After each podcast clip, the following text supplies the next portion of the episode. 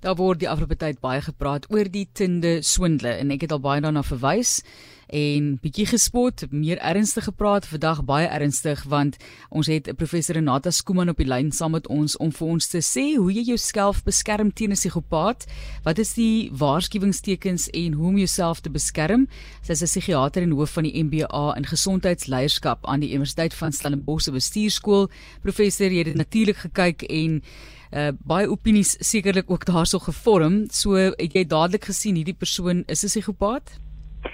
Hallo Martelies, middag luisteraars. Ek dink soos een of meeste ander mense was my eerste knee jerk reaction ook.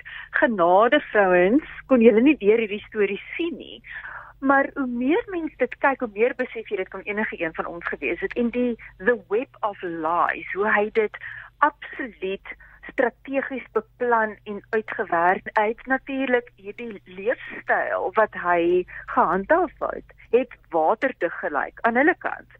En as mens eers 'n emosionele gehegtheid dan ontwikkel aan iemand of jy dit nou wil liefde noem of wat jy dit nou ook wil noem dan is dit baie moeilik. En ook gegee hy het gesê dis nou hierdie demandhandelaar. Weet ons was ook sekere gevare daarin verbonde soos ook weer in ander um flieks voorgestel word. So ek dink as jy eers daarin is, is dit baie moeilik om dadelik onraad te vermerk. Ek dink die enigste ding waar ek sal oordeel professor, dis maklik om so gevang te word en verlief te raak en al daai tipe van dinge. Ek dink wanneer dit moeilik is, is wanneer of wat vir my moeilik was om te verstaan is dat met die, een van die vroue met die eerste afspraak het sy saam met hom op 'n vliegtuig geklim, 'n private vliegtuig en na 'n ander land toe gereis. Ek dit is die ding wat vir my so bekommer het. Ek dink dadelik aan mensehandel. So dit is die tipe van dinge wat mense bietjie aan moet dink voordat hulle sulke besluite neem. 'n Mens wil in die oomblik ook net kan leef, maar daai was my 'n bietjie rof, maar kom ons kyk na die gevaartekens uh, wat mense ervaar wanneer dit kom by 'n psigopaat, want ons wil graag vir mense die raad gee om hulle self te beskerm. Hierdie mag dalk nou 'n vreeslike 'n internasionale dokumentêr wees wat baie aandag kry, maar dit gebeur elke liewe dag waar mense gevang word op die manier. Absoluut. En ek dink dis waar mense baie maklik oordeel, maar as jy kyk hoeveel keer het gebeur dit dat byvoorbeeld jou beste vriend 'n skemer is en hy vat R500 hier en R200 daar en voor jy weet het jy vir hom surety geteken op 'n lening of wat ook al die geval mag wees of kredietkaartfraud en phishing scams met e-posse mense val elke dag daarvoor. So ek dink die belangrike ding as jy iemand nuut ontmoet luister vir daai instinktiewe gevoel wat jy het. Ek dink die belangrike goed waarvoor jy kan uitkyk met 'n psigopaat is daai absolute karisma Maar goed, jy kry goeie mense wat ook baie karismaties is. Maar dan het ons konteks. Mense wat net karismaties is en regtig suksesvol en nice is, het goeie stabiele verhoudings. Hulle het vriendskappe, hulle het kollegas, hulle het families. Maar as jy hierdie persoon ontmoet en is eintlik 'n lone wolf, jy ontmoet niemand anders behalwe sy persoonlike bodyguard nie, dan moet jy wonder wat aangaan hier. Ja. Die ander ding ook as hy op 'n eerste afspraak jou al so sulke impulsiewe besluite neem, soos kom ons gaan oor see of enige plek. Jy weet jy ontmoet iemand vir 'n koffie, maar die volgende oomblik ons moet sommer volgende week weggaan. Jy weet, jy moet jou onderraad vermoed. Mense doen nie sulke goed nie. Mense moet eers darm 'n koneksie bou en en daai impulsiwiteit is ook vir ons 'n rooi vlaggie. Verder iemand wat die hele tyd net praat oor hulle materialistiese goals of die goed wat hulle bereik het. En nie met jou byvoorbeeld in 'n afspraak deel van wat is my drome, wat is my ideale, wat is my verhaal, wat se boeke ek van hou, vertel my van jou boetie en jou sussie, daai tipe gesprekke het nie. Moet daar ook vir jou bietjie onraad wees want dis een van die goed van as jy gepaard het nie daai stabiele verhoudings nie. Ek wil gou vinnig vir jou vra professor. Goed, so die vrou het gesê, "Man, maar ek het gegaan en toe ek nou ja gesê het vir hierdie koffie afspraak, het ek gegaan aanlyn en ek het alles van hierdie persoon gaan probeer uitvind. Daar was legitieme foto's, al dat een van die foto's wat hy geneem het terloops was op die ou end eintlik fop foto. Ja. ja.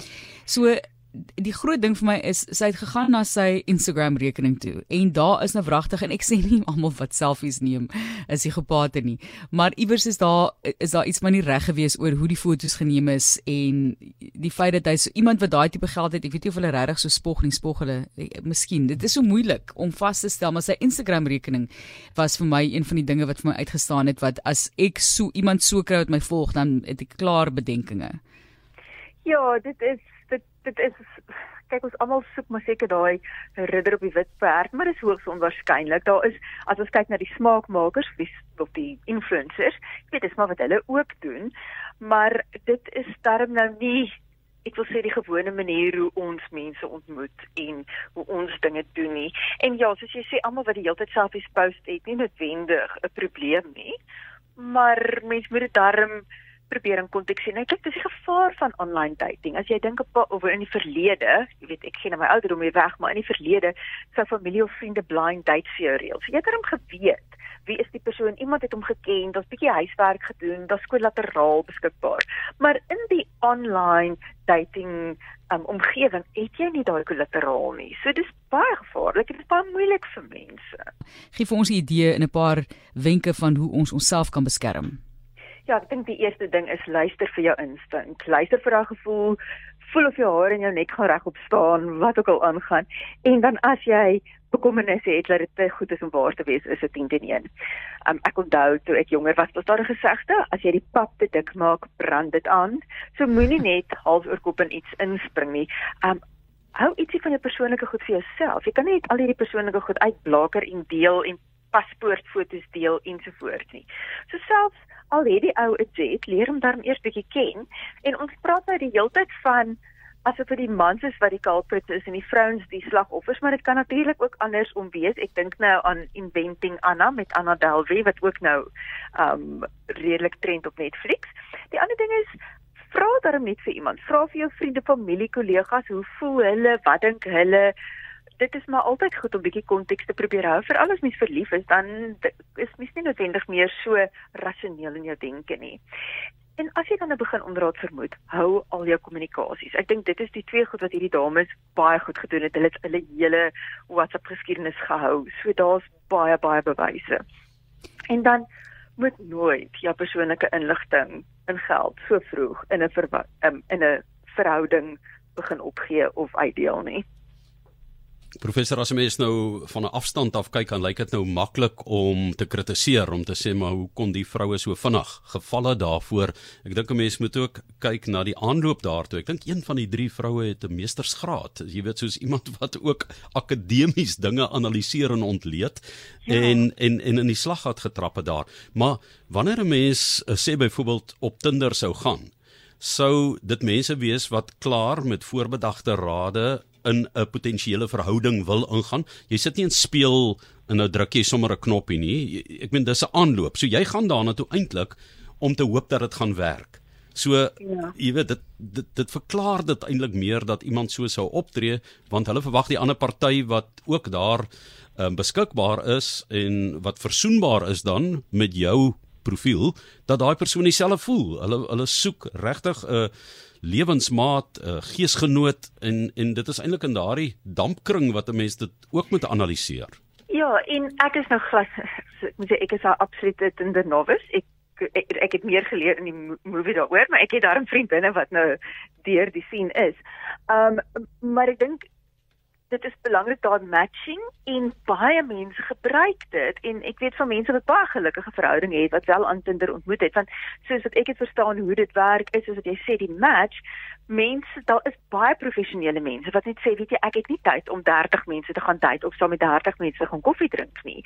So ons het mos nou hier ons profiel gelaai ons het ons interest gelaai. So as daar 'n match is dan hoef ons dalk net saam met 3 te gaan koffie drink Daai maak sin, daai maak sin, maar ja, dit is dis moeilike wêreld vir mense om liefde te vind en selfs om vriende te maak, want een van die vroue soos ek sê in die dokumentêr ja. was net 'n vriendin, was nie romanties by hierdie persoon betrokke nie, maar professor baie dankie. Ons waardeer die raad, dis ook herinnering vir ons, né? Hierdie punte van dit kom 'n bietjie logies voor van dit is wat mense net nooit aan sou gedink het nie, maar selfs die wat logies is, vergeet 'n mens van. Jy vergeet ja. van daardie kan ek maar sê grense wat jy ook moet stel. So ons sê vir jou verskriklik baie dankie groot plesier. Veilig wees. Dis professor Renata Skuman, sy is 'n psigiater en hoof van die MBA in gesondheidsleierskap aan die Universiteit van Stellenbosch se bestuurskool.